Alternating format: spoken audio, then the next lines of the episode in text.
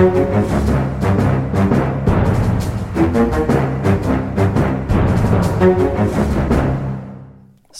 eh, Velkommen til denne ukens Aftenpodden. Det er vinterferie, men eh, du Trine Eilertsen, sjefredaktør og allting, har avbrutt ferien din for å være med i Aftenpodden i dag.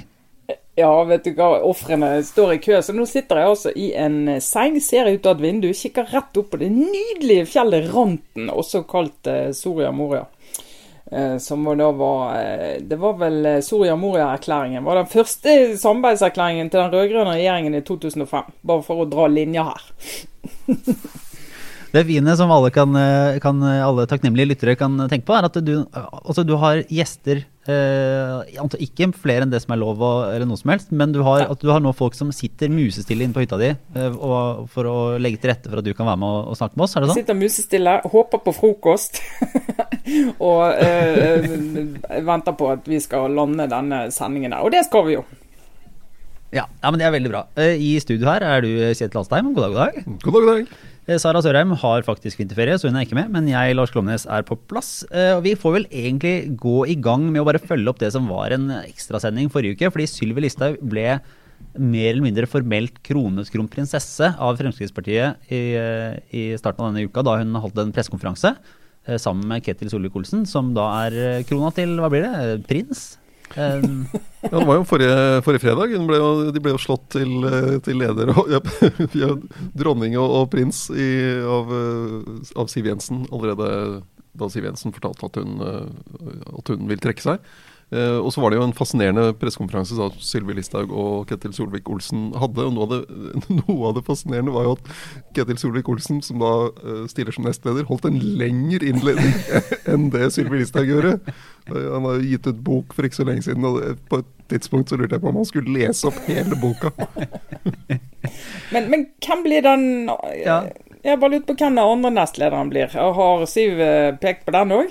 Nei, det er vel egentlig åpen Altså, de fortsetter jo som uh, før.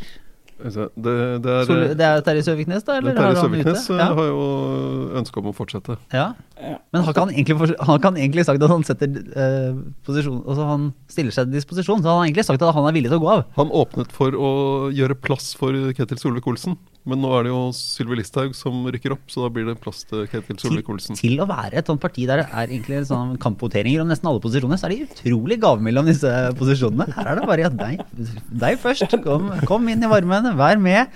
Men det var jo, det var jo også tid i hvert fall for Sylvi Listhaug til å komme med det som er kanskje min eh, favorittklisjé i norsk politikk, som, som dukker opp fra alle partier, alle partiledere som sliter. Eh, så var det det klassiske løftet om å bli tydeligere. Ja. Eh, som, som har vært uttrykt av altså, i Venstre, i Arbeiderpartiet, i KrF. Alle eh, sier jo det på et tidspunkt, når de må finne seg en sånn liten krykke og, og et eller annet å love som er fullstendig umulig å, å ettergå. Så sånn, vi skal bli tydeligere. Ja, ok, lykke til, for det har dere sikkert ikke ønsket å være før. Men med Sylvi Listhaug så er det kanskje mulig at, eh, at det skjer, for hun vet jo å være tydelig, Kjetil.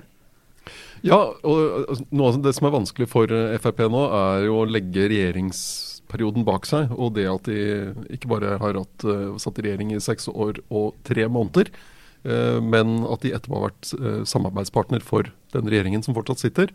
Og det har vært vanskelig for Siv Jensen å, å måtte frigjøre seg fra, da. Fordi hun forbindes så veldig med det. Sylvi Listhaug hadde jo opptil flere statsrådposter i, i den regjeringen. men Det kan likevel gi en litt annen dynamikk rundt partiet, men velgerne husker jo at Frp har sittet i regjering og fortsatt er partner med Erna Solbergs regjering. Ja, og da, og da tenker jeg at det, Du har jo helt rett, Lars, at den er en av de største floskelige politikkene. nå skal vi bli tydeligere. Før eh, nøt vi å være utydelige, og det virket ikke, men nå skal vi bli tydelige. Eh, Og så skal de være tydelige, og det, og det er veldig greit når du er i helt sånn eh, klokkeklar opposisjon, men når du skal være tydelig, når du fremdeles har denne regjeringshistorikken med deg, så skal du være tydelig, og så blir det hele tiden kontrastert mot det du faktisk gjør og har gjort. Sånn at den tydeligheten ikke nødvendigvis gagner deg. Uh, selv om det er gøy og lett å være tydelig.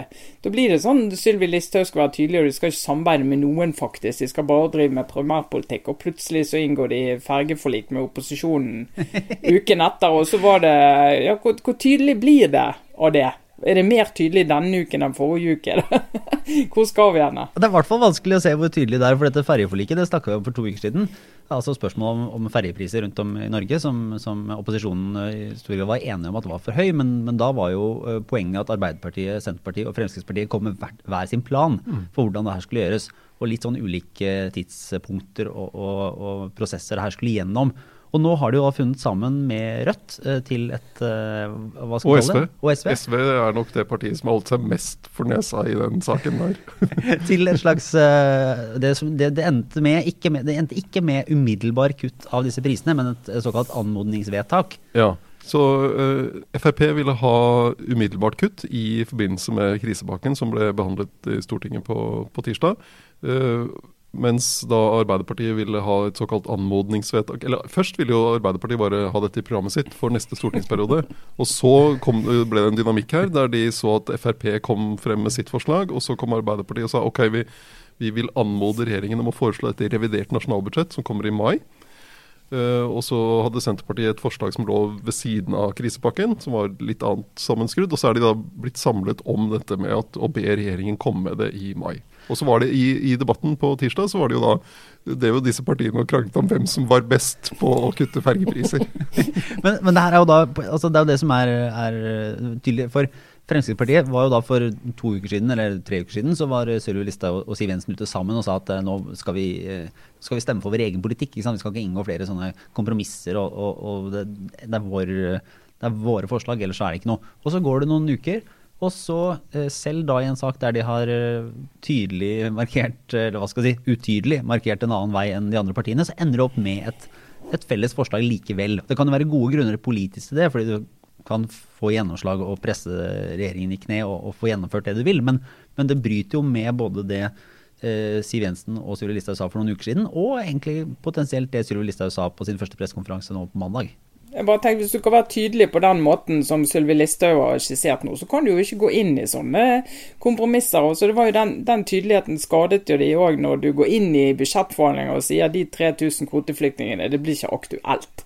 Og så ble det eh, absolutt sånn som de andre vil ha det.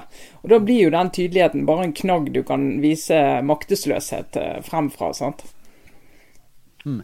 Men så kan du jo en, en slags trøst da, i at uh, Sylvi Listhaug tilsynelatende ikke ikke eh, velger å se fram mot høsten og 2021, men se litt lenger fram mot 2025, eh, Kjetil? Ja, Det syns jeg var veldig interessant i den innledningen hun holdt. Også det hun svarte, de, de svarene hun ga på den pressekonferansen, var hvordan hun, hun eh, for så vidt sa at ja, valget i september blir jo viktig, men det er på en måte i 2025 hun virkelig skal slå til som leder i Fremskrittspartiet. Og også har jeg kontakt med kilder i Frp, så, så er det en sånn de mener dette er den realistiske vurderingen. Det, det flertallet som uh, Høyre uh, har hatt sammen med Frp, Kristelig Folkeparti og Venstre, det ryker i september, er det de antar i Frp. Og så ser de heller lenger frem. Og det, det er jo en realistisk vurdering ut fra for det første det å, å vinne tre valg på rad. Det, det er uh, naturstridig. og målingene peker entydig i den retning. Men det å sende det signalet til både velgerne og egne tillitsvalgte om at vi har egentlig tapt i september allerede. Hvordan skal de Da da blir det litt krevende å mobilisere da, til å, å, prøve å vinne flest mulig. For det er jo viktig for de partiene å bli så sterke som mulig inn i Stortinget, selv om de tror at de ikke får flertall for, for fortsatt uh, borgerlig regjering. Mhm. Men hva er det de egentlig altså, Hva ser de for seg, tror du, inn i 2025? Er det sånn at, at de vil Eh, for, altså for, ti år siden eh, så, så, var jo Fremskrittspartiet i nærheten av det største borgerlige partiet. Var, liksom, var så store. Er det, er, liksom, er, det, er det, skalaen? Eller fordi de sliter jo litt med den der, altså, samarbeidskonstellasjonen. Altså I 2025 er det noe som egentlig tyder på at de da vil gå inn i en, et samarbeid med Venstre og KrF. Altså hvor, hvor, Hvordan skal det snekres sammen? ikke sant? Eller må de bli så store at de egentlig baserer seg på et samarbeid med Høyre alene? Uh, det er ikke sånn rett fram helt den veien, veien, heller, selv om de kan få gode utsikter til å utfordre en, en Støre-leda regjering med et sterkt Senterparti? Det er jo en bekymring som de ikke trenger å bruke tid på nå. For nå er de mer i en oppbyggingsfase igjen. De er, ligger under 10% på målingene, og de er nødt til å tenke på hvordan skal de vokse. Og så uh, samarbeidsspørsmål uh, og sånn. Det, det, er ikke ja. viktig for Frp akkurat nå. Men vi skal tenke på sånn, hvis vi skal tenke etter valget og så ha som premiss at uh, det blir regjeringsskifte, og så Høyre gjør det bedre enn kanskje noen gang, uh, og kommer ut av dette og, altså er det, altså Hvordan kan de tenke rundt posisjonering i opposisjon? Altså Hvis Høyre kommer ut som et veldig sterkt parti, og de andre ligger med brukket rygg, hvordan kan de på en måte altså tenke på komitéverv og lederverv? og Altså, det finnes jo måter de kan posisjonere seg på som gjør at de kan være i tydelig opposisjon eh, med en sterk gruppe. Og alle har jo interesse av å ha en sterk gruppe på Stortinget, selv om du ikke er i regjering. Det er mulig at de vil eh, se tilbake til det som skjedde med de rød-grønne partiene i 2013. Da var det jo 2013-valget var jo ikke, så, det var ikke noe dårlig valg for Arbeiderpartiet, selv om de gikk tilbake fra 2009. Men det, var, men det var, jo veldig, veldig, dårlig for SV og Senterpartiet. Og så har SV og Senterpartiet brukt årene etterpå på måte, bygg, gjenoppbygging. Uh, og at det kanskje kan bli en sånn prosess også. For, for det, det, er jo noe det vi ser rundt uh, Erna Solberg og Høyre nå, er at uh, Høyre klarer seg godt på målingene. Mens det er liksom, ruiner igjen av de tre samarbeidspartiene. Så alle de tre partiene trenger jo å bygge seg opp igjen i løpet av eh, en stortingsperiode eller to. Hvis vi ser litt på Erna Solbergs posisjon, da, som, som, fyller 60 år denne uka, og gratulerer med det. Hun fikk en, en tidlig presang fra KrF, som eh, stilte seg opp i, i, her i Var det i VG? Eh, de, i intervju om den rusreformen. Det var etter at vi spilte inn eh, forrige, forrige podkast. Eh, der de som et slags eh, kristenrockete bandcover sto de på taket av regjeringskvartalet her med god avstand og armene i kors eller noe sånt, og, og sa at den, denne reformen håper vi at opposisjonen på Stortinget torpederer. Det er sånn, Ja, Erna Solberg, eh, gratulerer med dagen. Vi, vi, er nødt til å stemme foran, siden vi er en del av dette regjeringssamarbeidet blitt enige om det. Men vi håper alle andre kan sabotere så langt som råd. Bare et bilde på Erna Solbergs uh, borgerlige samarbeid. Det er en fantastisk illustrasjon, da, for det er jo det som har vært uh, altså, hennes styrke, hvis du skal se når hun da faktisk er statsminister på uh, åttende året. så er det jo bl.a. fordi at hun har jo hatt en hva skal jeg si, en åpenhet og en slekk overfor sine samarbeidspartnere som har ikke, Vi har ikke sett det i norsk politisk historie før. Eh, vi snakket jo litt om det før sending at eh, Jens Stoltenberg hadde jo kaldkvelt samtlige på det taket etter ca. 20 minutter, hvis noen i hans regjering hadde prøvd seg på noe lignende. Å gå så langt fra regjeringsprosjektet som de gjør. Men senere er litt sånn Nei, men altså, nå må alle må få lov å være seg hos meg. Og det, det, det, ser jo veldig pussig ut, og så må de bare håpe på at det ikke blir eh, veldig kommentert. og ja. Men, er, men er det jeg ikke helt skjønner, og vi har jo snakka om det her før også, og, og, det er jo for all del ikke de første som gjør dette med KrF. Eh, Fremskrittspartiet gjorde det jo. Det har jo vært flere sånne eksempler i, i, større eller mindre grad, selv om det her kanskje er blant de tydeligste. Så er jo spørsmålet, etter åtte år har disse støttepartiene eller samarbeidspartiene eller da minstepartiene i regjeringen eller hva man skal kalle dem etter hva de har vært opp igjennom, hatt noe å tjene på den, uh, de markeringene? Jeg kan ikke huske at jeg har sett at noen av de har eh, f.eks. hatt noe hopp på målingen etter en sånn. I mitt hode er jo det der en helt lysende markering av maktesløshet. Og særlig når du ikke samtidig greier å vise hva du faktisk har fått til i regjering. For da blir det bare å vise 'denne tapte vi'. Og, og i tilfelle dere ikke visste det, så tapte vi det. Så nå stiller hele partiledelsen seg opp for å vise i hva grad vi tapte denne saken. Det er jo Nei, Nei, det den som kan, altså. Det er jo egentlig litt samme tilnærming eh, Erna Solberg har til, til Stortinget, nå som eh, hun igjen leder en mindretallsregjering. At hun, hun, bare tar det som kommer. Enten det er uh, fergeopprør eller hva det er. Så OK, greit. Hvis flertallet vil ha det sånn, så får vi regjeringen se hva vi kan gjøre. Er, hun, har, hun har jo ikke noe hun setter jo ikke ting på spissen, verken overfor innad eller overfor Stortinget. Og så vi jo nå på tirsdag, var det jo i forbindelse med behandlingen av denne krisepakken som vi kalte 23B siste uke, og som er den åttende, jeg nå funnet ut. Så, så, så de jo noe av det samme. Ja, for nå, nå har jo da opposisjonen vridd seg litt igjen. Det har vært noen omdreininger i debatten om, om krisepakke 8, får vi kalle det nå, hvis det skal følge det faktisk og kronologisk. Så er det litt, eh, litt sånn strengere toner, og nå begynner man å se at man kanskje vil eh, skru igjen krana litt. Dere ser at det kanskje har gått litt eh, langt tidligere etter, etter litt eh, kritikk. Ja, og det, det, har vært et ganske raskt stemningsskifte i debatten om, om støtteordninger for næringslivet. fordi det har jo lenge vært at altså firerbanden, som man omtalte som, og partiene på Stortinget har krevd at regjeringen skal, skal innfri krav fra Virke og NHO osv. Uh, og det som skjedde i høst, da krisepakke det var vel sju, da, ble behandlet mellom, og forhandlet mellom regjeringspartiene og Frp, var at makstaket på støtte gjennom den kompensasjonsordningen for bedrifter ble hevet fra 50 millioner kroner i måneden, som regjeringen foreslo, til 80 millioner, som Frp ville ha, og som NHO ville ha. Og Så kom vi til starten av januar, da vi husker at denne firebanden, altså Frp, Arbeiderpartiet, Senterpartiet, SV, gikk sammen om en rekke krav. Så Et av kravene var at man skulle forlenge den ordningen på den nivået med 80 millioner eh, til frem til sommeren til 1.7. Og nå Eh, så eh, har da regjeringspartiene, nå på tirsdag, så gikk regjeringspartiene og Frp inn for å gi regjeringen en fullmakt til å senke taket igjen fra 80 til 50 millioner. Mens Arbeiderpartiet og Senterpartiet ville senke det til 30 millioner. Så det er en ganske stor innstramming på, på noen få uker fra flere partier. Og grunnen til det er jo at du har hatt uh, i flere aviser, eh, Aftenposten og Klassekampen og DN og, og, flere medier, så har det vært uh, saker om disse store bedriftene som har fått mye penger gjennom den støtteordningen, og som økonomer mener heller burde vært sendt til lånemarkedet. Gå til lånemarkedet og, og få finansiert seg. Så det, det, har vært et stemningsskifte ganske raskt i, i den debatten. Men det er, jo, det er jo, interessant hvis du, altså hvis du da sitter fra bedriftens side, da, som eh, da opposisjonen eh, skulle forlenge pakken, så var jo hele argumentet at vi er nødt til å ha forutsigbarhet. Næringslivet er nødt til å ha forutsigbarhet. Men det tror jeg næringslivet det, det får de nå bare glemme. Du skal ikke ha forutsigbarhet. Det kommer helt an på. Men de faktumene og de økonomene sa jo det samme da de skulle forlenge pakken på nyåret. Men det liksom, nå er det blitt illustrert med eksempler. Så nå er liksom, Å ja, det der dere nevnte om at eh, kanskje de store får penger som de kunne fått andre steder fra. Nå forstår vi det! det altså, det er jo også en kjempeillustrasjon på hvor sykt fort det svingene det går. Og, og hvor mye sånn opportunisme det er inni det her.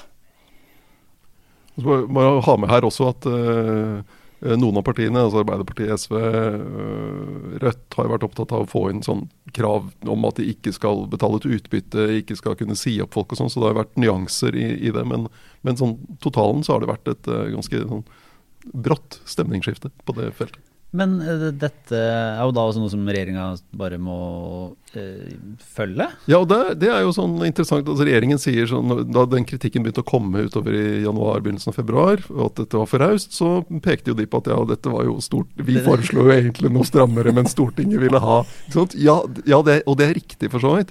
Men regjeringen er jo med på dette. De aksepterer det. Regjeringspartiene stemmer for det, så de må jo nesten ta ansvar for det de, det de går med på. Ja, altså, ja. Det, er jo, det, er jo, igjen det der med altså Erna Solberg i mindretallsregjering. Alt hun godtar, da.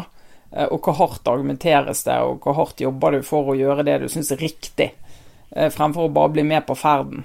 Det er jo eh, Ja.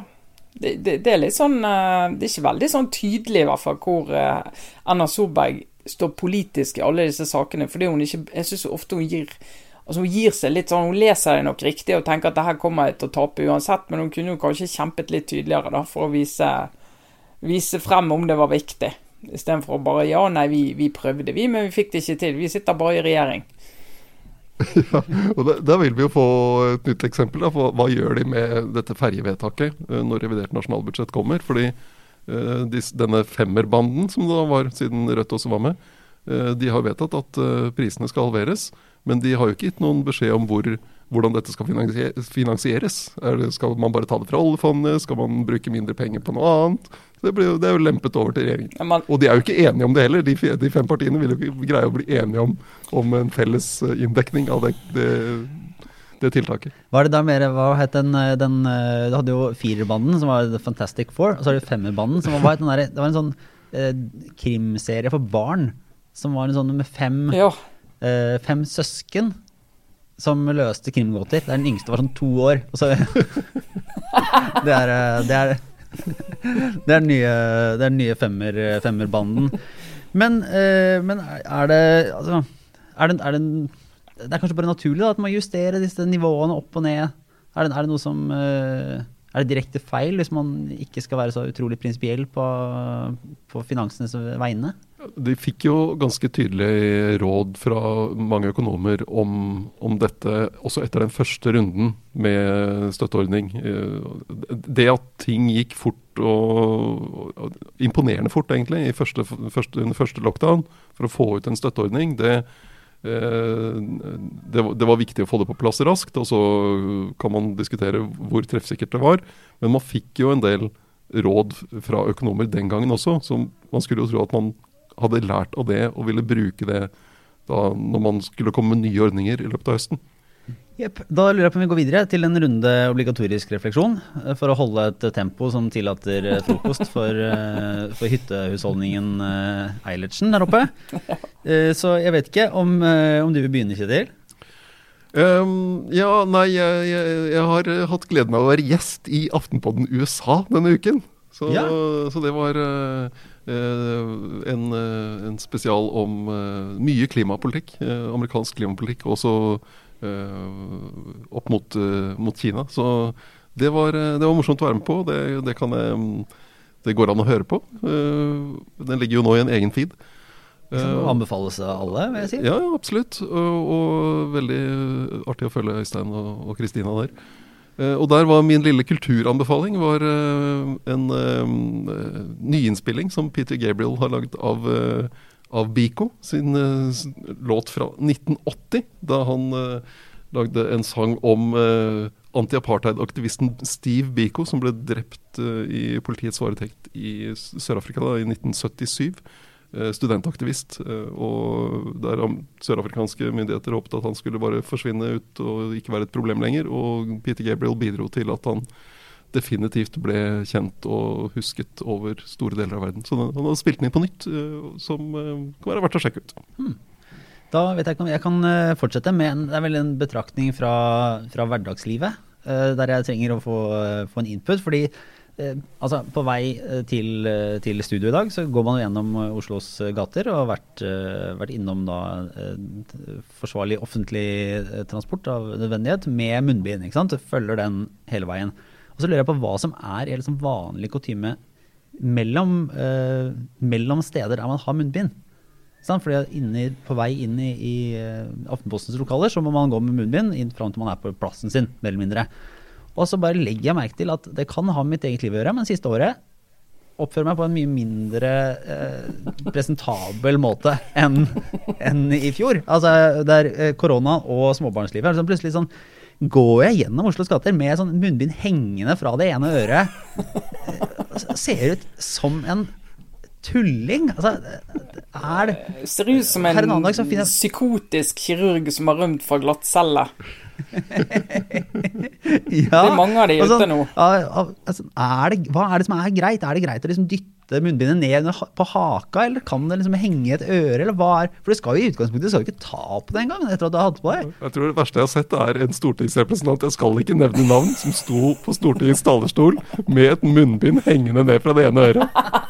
Det er ynkelig. Det er ikke, det er ikke bra look. Nei, altså det, det er jo det er... resignasjon inni dette. sant? Bare liksom tenker at nei, det, det er ikke håp. Men, men, eh, bare sånn, hvis du gjør det, så er jo det en kjempeillustrasjon på at du ikke vet at Du kan jo ikke bruke det munnbindet en gang til, i prinsippet. Så vet jo vi alle at jeg tror ikke vi er få som går rundt med et munnbind i hver jakkelomme, så du tar opp når du trenger det, sånn som jo er helt ureglementert. Du skal jo ikke gjøre det, du skal jo kaste det. Skal jo ikke ta det på flere ganger. Sprite hendene både før og etter og Nei, det er, det er jo Vi er jo ikke lagd for å gå med munnbind. Nei, det er veldig Altså, ja. Er, så lenge de ikke gnir det på noen andre, så tenker jeg det må, må nærme seg. Men, i hvert fall, men er, det er uh, kan, Det er ikke greit å henge det fra et øre. Nei, det er ikke det. Og ikke under haken heller. går ikke an. For du må jo ta det opp igjen, og da er det jo egentlig kjørt. ja, nei, men det er Nei, Det, det er munnbindanarki, Lars. Det er munnbindanarki. Ja, jeg, skal, jeg, setter ned foten for sånn uh, slapp oppførsel. For da, da, da jeg, for Det er jo nå et år siden da, at jeg ble, var lykkelig omstendigheter og ble far. Så ble jeg liksom automatisk sånn bustete på huet. Det har vært siden. du, du jo, tok vel på deg munnbind under fødsel og siden aldri tatt det av? ja, ja, det var, ja, det var jo oppdrett. det, er jo det som var galt. Så det, det, er, det er ikke lett. Åssen er det med deg, Trine? Har du, en, har du en anbefaling eller noe du tenker på inn i helgen? Ja, jeg har tenkt på veldig mye, men så tenkte jeg eh, De som hørte, for jeg hørte for noen episoder siden, de har fått med seg at jeg hører på Barack Obamas eh, selvbiografi, som der forfatteren leser sjøl, 29 timer og 10 minutter. Og det, jeg kan si Jeg holder på med det fremdeles. det, er det, det, det jeg bruker ledige øyeblikk på. Så det er ikke plass til mer anbefalinger enn inni her foreløpig. 29 timer. Men jeg tror jeg, har, jeg tror jeg kan begynne å nærme halvveis. Men eh, kan jeg bare eh, stille et sånn, eh, da, spørsmål igjen da, til, til sånn life hacks og hvordan man gjennomfører sånne ting som, som, man bør. Når du hører på lydbok, for det er ikke jeg ja. ordentlig i gang med, eh, hører du Podkaster hører jeg på i pauser. ikke sant? Jeg kan bare sånn sette på eh, mm. noen få minutter og så høre litt videre i en podkast jeg har hørt på. Det går greit. Mm. Går det an med den, den, type lydbok? Kan du sette den på liksom, mens du går fra én ting til en annen? Hele, hele, tiden. Ja, jeg hører på sånn 20 minutter her og 10 minutter der. Og, og så går, kjørte bil. sant? Kjørte bil alene om dagen to timer. Det er jo perfekt. Men også når jeg går på skitur. Så jeg vet det noen som liker å ha det helt stille når de går på skitur. Men hvis jeg går på skitur alene, så hører jeg lydbok. Så nå har jeg sånne her, eh, områder oppi, oppi her. Eh, det skaret der og den lille toppen der sier ah, det var det han snakket om når han og Michelle møttes. Det, men eh, det, altså, det er jo så plutselig har jeg plassert Barack Obama i mitt turterreng, da. På en uh, koselig måte.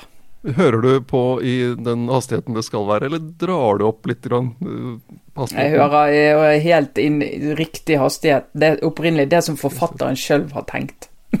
ja, nettopp. Da må du ha det sånn. Ja. Så da tar det, tar det sin tid.